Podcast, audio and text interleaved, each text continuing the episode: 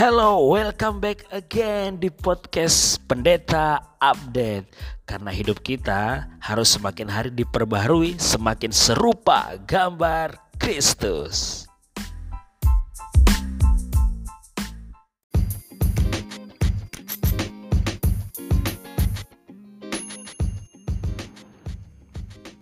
Di episode yang kedua ini kita masih membahas topik utama tentang intip gereja sebelah Nah, di episode kali ini, episode kedua ini, kita akan bahas sebuah pertanyaan.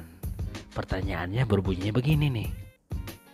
Seberapa keren gereja kalian? Atau seberapa keren gerejaku? Nah, kenapa? Karena pertanyaan ini selalu yang muncul ketika kita melihat gereja yang lain.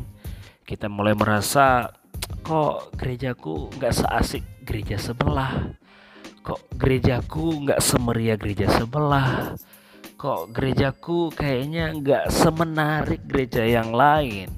Nah pertanyaan ini tentu uh, akan sangat mempengaruhi kita nih teman-teman. Apalagi kalau kita merasa di gereja lokal kita sendiri mungkin teman-teman kita kurang asik mungkin teman-teman kita kalau kita cowok nih kalau di ibadah kita yang hadir cowok semua.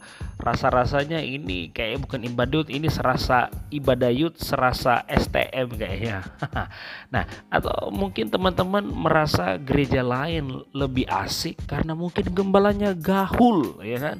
Dari pakaiannya gaul, potongannya gaul, sedangkan gembala kita sendiri mungkin yang oldies oldies gitu. Nah, jadi pertanyaannya seberapa asik gerejamu? Dan pertanyaan ini apakah sangat mempengaruhi teman-teman sehingga teman-teman memutuskan untuk pindah gereja yang lain? Nah, setelah pindah gereja yang lain, bisa juga teman-teman akan lihat gereja yang lain pula, gereja C kok gereja itu kayaknya lebih keren dari gereja aku. Nah dengan demikian pertanyaan ini tentunya tidak akan pernah berhenti nih teman-teman. Kenapa? Karena kita punya ekspektasi, kita punya tuntutan di sana. Kenapa? Karena kita lihat gereja yang lain lebih asik, akhirnya kita mulai paksa gereja kita harus seperti gereja yang lain. Oke, kita kembali ke intinya. Kira-kira seperti apa apakah dengan alasan seperti ini membenarkan kita bisa pindah gereja? Atau mungkin teman-teman dalam masa pandemi ini gereja teman-teman sama sekali nggak ada ibadah onsite.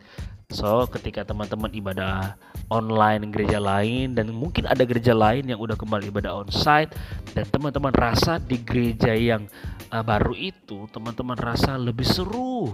Apalagi apalagi ini anggota yutnya kece-kece wah. Akhirnya kita mulai putuskan untuk pindah di gereja yang baru apalagi kalau kita pindah di gereja yang baru kita nggak ngomong sama ketua youth kita atau youth leader kita kita mungkin nggak ngomong juga sama gembala dan kita mulai pindah di gereja yang lain sehingga kita melog melogikakan ada apa sih? Melogikakan alasan supaya terlihat benar bahwa kita pindah di gereja yang lain. So so kita mau renungkan nih kira-kira apakah dengan gerejamu yang menurutmu nggak asik itu membenarkan engkau pindah di gereja yang lain Nah ini menarik nih teman-teman. Kalau kita datang dalam sebuah gereja atau gereja di mana kita berada dengan berbagai tuntutan, dengan berbagai apa ya um, keinginan-keinginan teman-teman, selera. Nah kalau kita udah punya selera untuk gereja lokal kita dan kita mulai menuntut di sana, otomatis hanya soal waktu teman-teman pasti pindah gereja yang lain. Nah bagaimana? Nah, kalau kita lihat di firman Tuhan nih teman-teman, firman Tuhan salah satu yang menarik itu di Kolose 3:23 bilang begini bahwa kita harus melakukan segala sesuatu seperti untuk Tuhan bukan untuk manusia. Nah, kalau kita kaitkan dalam kehadiran kita dalam gereja lokal, seberapa asik gereja lokal ternyata itu bukanlah menjadi alasan Artinya begini, kita datang di dalam sebuah gereja di mana kita bergereja. Ingat, yang kita lakukan fokus kita itu adalah kristosentris. Kita berpusat kepada Kristus. Jadi kita ubah nih mindset kita. Kita datang bukan lagi untuk sekedar mencari apa. Nah, kalau kita punya ekspektasi di gereja lokal, kira-kira aku dapat apa sih di gereja lokal ini? Nanti aku akan dapat apa di gereja yang lain. Itu akan membuat teman-teman pasti akan mudah goyah sehingga kita mulai intip gereja yang lain. So kita ubah dari apa yang bisa ku dapat kita ganti dengan kira-kira apa yang bisa ku lakukan atau apa yang bisa ku berikan di gereja di mana aku bertumbuh. So kita ganti teman-teman. Ekspektasinya, pengharapannya, keinginannya bukan lagi untuk dapat apa nih tetapi bagaimana kita memberikan sesuatu kontribusi apa untuk gereja lokal kita.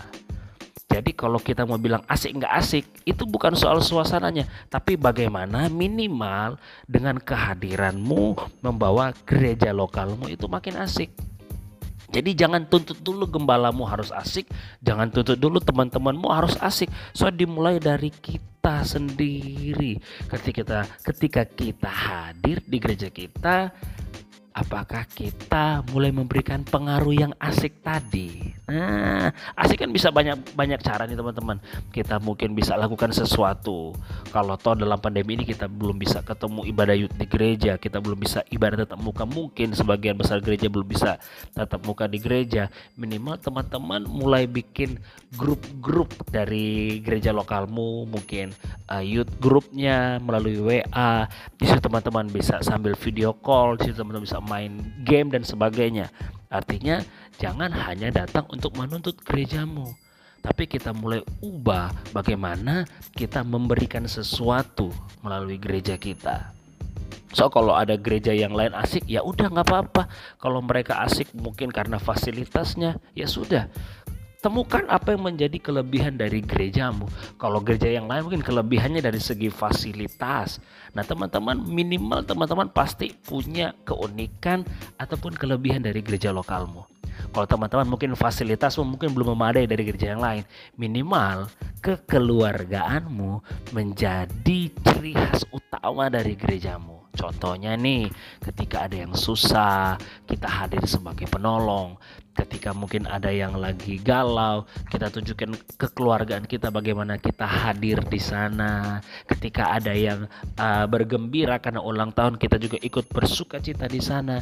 Kita hadir di sana supaya apa?